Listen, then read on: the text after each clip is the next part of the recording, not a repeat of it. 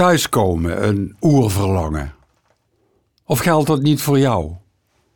Dan moet je zeker luisteren naar deze poëziepodcast. Misschien begrijp je dan meer van jezelf. Of van al die anderen die hunkeren naar thuis. Of een thuis. Aards of hemels. Veel plezier. Meindert Muller. Heeft mooi praten. Poëzie podcast over het leven. Dan weet je het wel.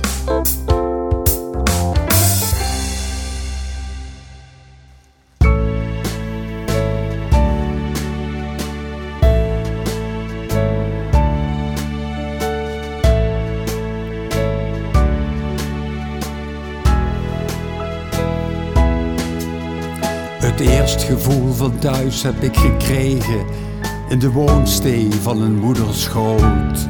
Het was heel knus en wel gelegen. Ik woonde daar een maand of negen, maar het werd te klein. Ik werd te groot. Toen kreeg ik een thuis met huisgenoten. Twee ouders die ik nogal dwaas met pa en ma heb aangesproken. Ik was al gauw gewend. Er doken nog een broer en zussen op.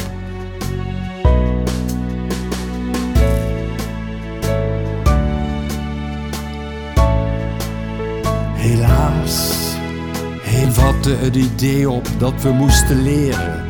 Al zag ik toen de noodzaak daarvan niet. Een school is toch geen thuis en van dat leren kwam op den duur het elders gaan studeren. Daar waar je vrijheid, maar geen thuis geniet. En ja, er was een wereld te ontdekken die ik ontdekte, maar niet alles wendt. Ik zag er liefde, maar ook te veel gekken die met haat en hebzucht de wereldbol bevlekken.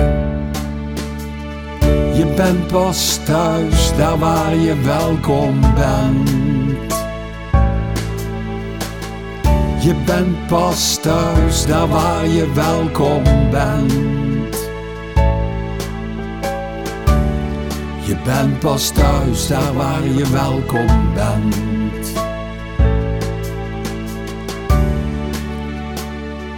Daar waar je welkom bent. Daar waar je welkom bent.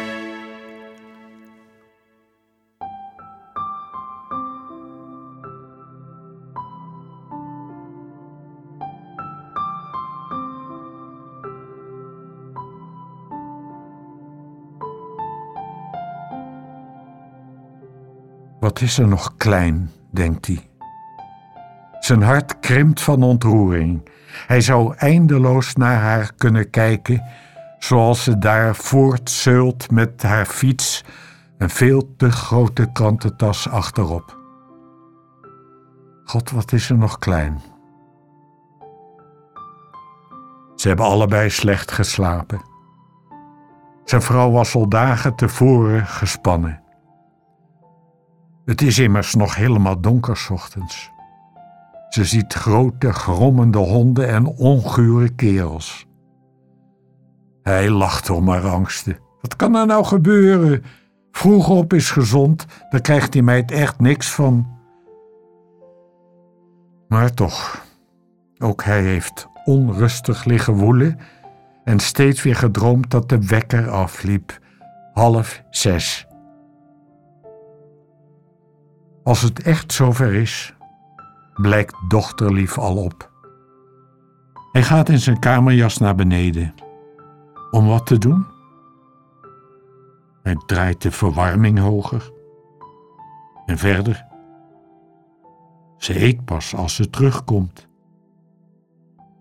Hij zint op iets liefs en zorgzaams, maar weet niets te bedenken. Hij hoort haar rommelen in de badkamer. Als hij weer zijn nog warme plek in bed heeft ingenomen, slaat de voordeur dicht. Daar gaat ze. Niks meer aan te doen. De dingen moeten hun beloop hebben. Nu valt hij echt in slaap. Om half zeven rinkelt de wekker voor de tweede keer. Gewoontegetrouw kleedt hij zich aan, dekt de tafel en haalt de krant uit de brievenbus. Zijn eigen krant. In de kille, onbewoonde nanacht door een anoniem ander kind bezorgd. Half acht geweest. Hij voelt de blik van zijn vrouw. Zou je niet eens gaan kijken? Hij tracht haar ongerustheid weg te wuiven met een air van niks aan de hand. Het is zo'n eerste keer even wennen natuurlijk en dan duurt het wat langer. Na een paar keer krijgt ze er handigheid in en is ze voor zevenen weer thuis. Lang houdt hij dat niet vol. Dan staat hij op en trekt zijn jas aan. In de klamme ochtendkou start de auto moeilijk. De nieuwbouwwijk, weet hij. Hij slalomt door de bochtige dreefjes, turend naar een kind in een rood jasje op een fiets met een te grote rode fietstas. Slapende auto's, geen levende ziel. Waar is ze? Daar is ze. Wat is ze nog klein, denkt hij. Hij draait het raampje omlaag.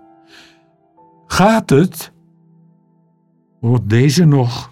Hoe laat is het? Kwart voor acht. We brengen je naar school. Wil je pap? Pap? Ja, oh, dat is goed, zegt ze en duikt weer in de tas.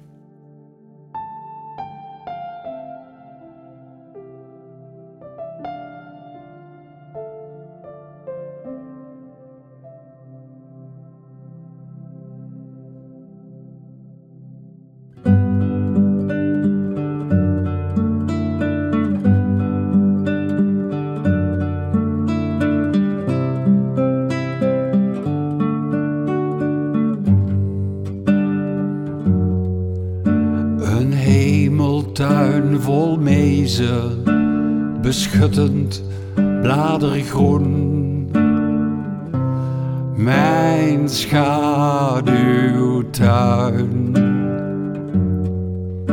Ofwel mijn stoer domein, met bomen die ik plantte, nu hoog over me heen.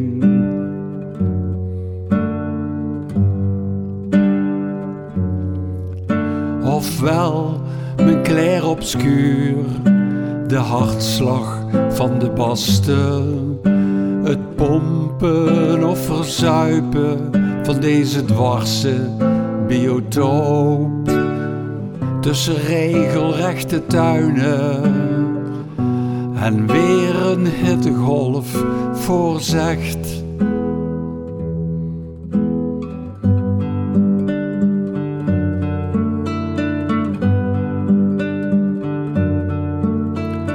Zag toen ik kon kruipen,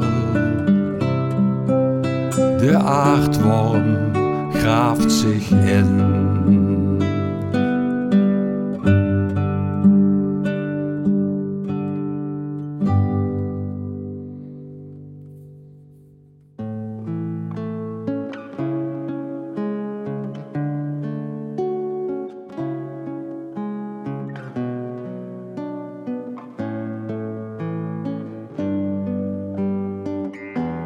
Hij heeft twee kinderen. Twee meisjes, de een zes, de andere vijf. Het gras in de tuin achter laat hij voor ze groeien. Tot bevreemding van de buren waarschijnlijk. Hij wil dat zijn kinderen het gras leren kennen.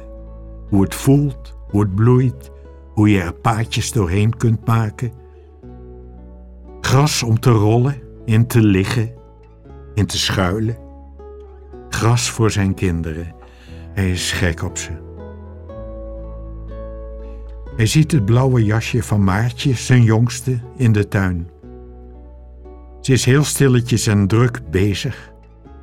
met een zinken emmer, zoals ze niet meer in gebruik zijn. Wie gebruikt er in godsnaam nog een zinken emmer?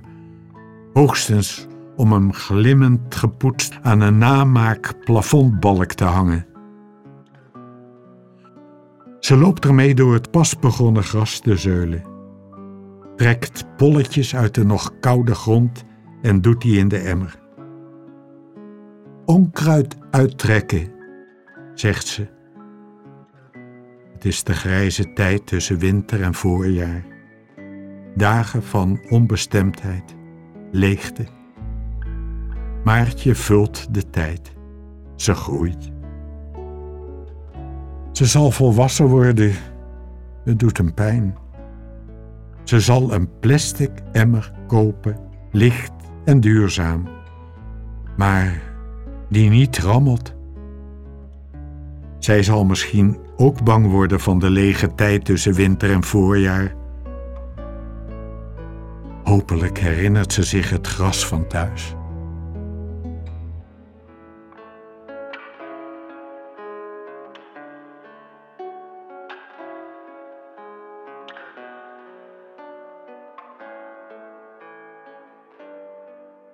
Een woord als thuis komt eenmaal langs. Je mag het even in je handen houden. Je krijgt één beurt. Het is één huis, één lucht, hooguit twee ouders. Eén soort stilte na het eten. En voor je het weet is je beurt voorbij. En het duurt meestal een tijd voor je het mist. En het gemis is dan je trouwste vriend. Volgt je als een schaduw en het zegt: zoek niet. Alleen waar je niet bent, heb je een kans.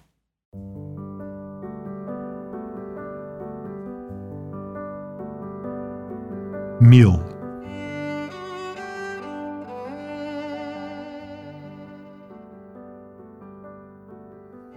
Hij kijkt me aan zoals ik van hem hield licht gebogen over de tafel, kin in de vuist geklemd, ogen helder achter glas, ouder dan de mijne, maar nog steeds ogen die willen weten.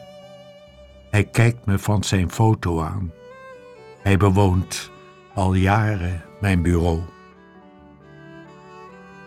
Hij is mijn vriend. Hij was een thuis. Een vader, soort van. Ik ben al bijna even oud. De dagen tellen hem snel achterna. Ik hoop hem ginds in de verte, bij een deur, een thuis, een tafel.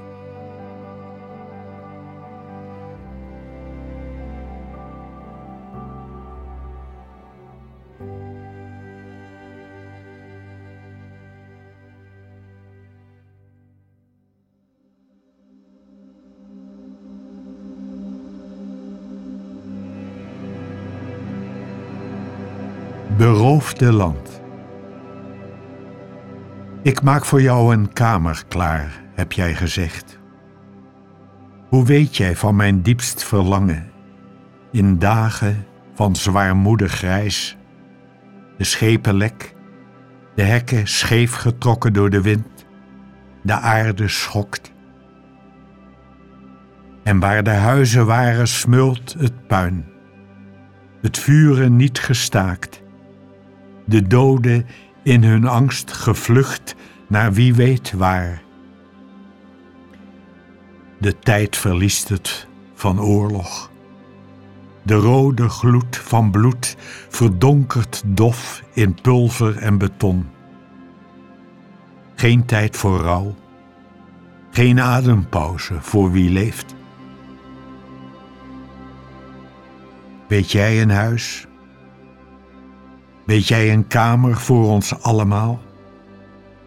Weet jij een plek die woede verzoent met verlangen? Een onderkomen, een thuis, voor duizenden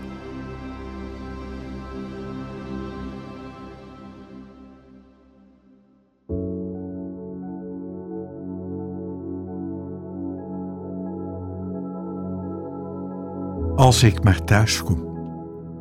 De tijd schuurt langs mij heen. Ik ken de wegen niet waarlangs ik word verwacht mijn pad te vinden, mijn doel te bereiken. Een doel dat ik niet ken, als ik maar thuis kom. Vreemde lanen, donker, natte bomen, de tijd schuurt langs de stammen. Een tijd door haat verscheurd. Alle wegen gaan naar Gaza, Kharkiv. Alle wegen lopen dood, lijkt het. Als ik maar thuis kom. Als ik jou maar vind. Jij die de weg bent. De deur.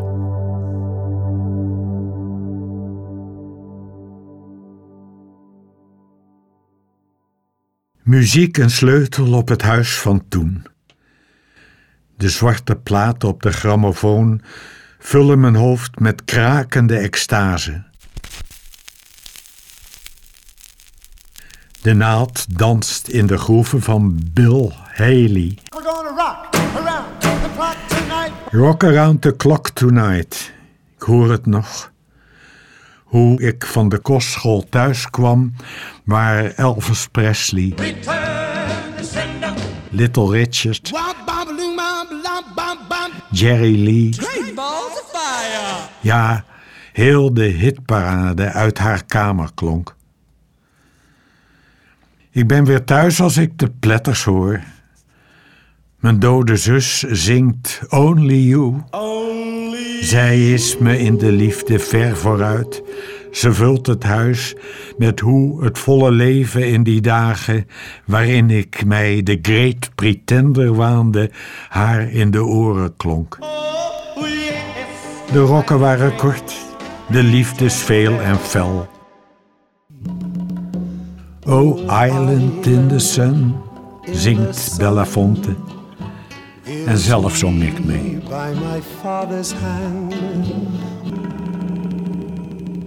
In bange dagen bouwt muziek een huis met warme muren en een open deur. Ik ben er thuis. Ik ken er alle hoeken. Herken de plekjes waar ik rust kon zoeken en het lekker stil was. Tot er decibellen uit een transistor begonnen aan te zwellen. Do not forsake me, oh my darling. Do not forsake me, oh my darling. Ach, die stem. Komt Frankie Lane me weer met heimwee kwellen?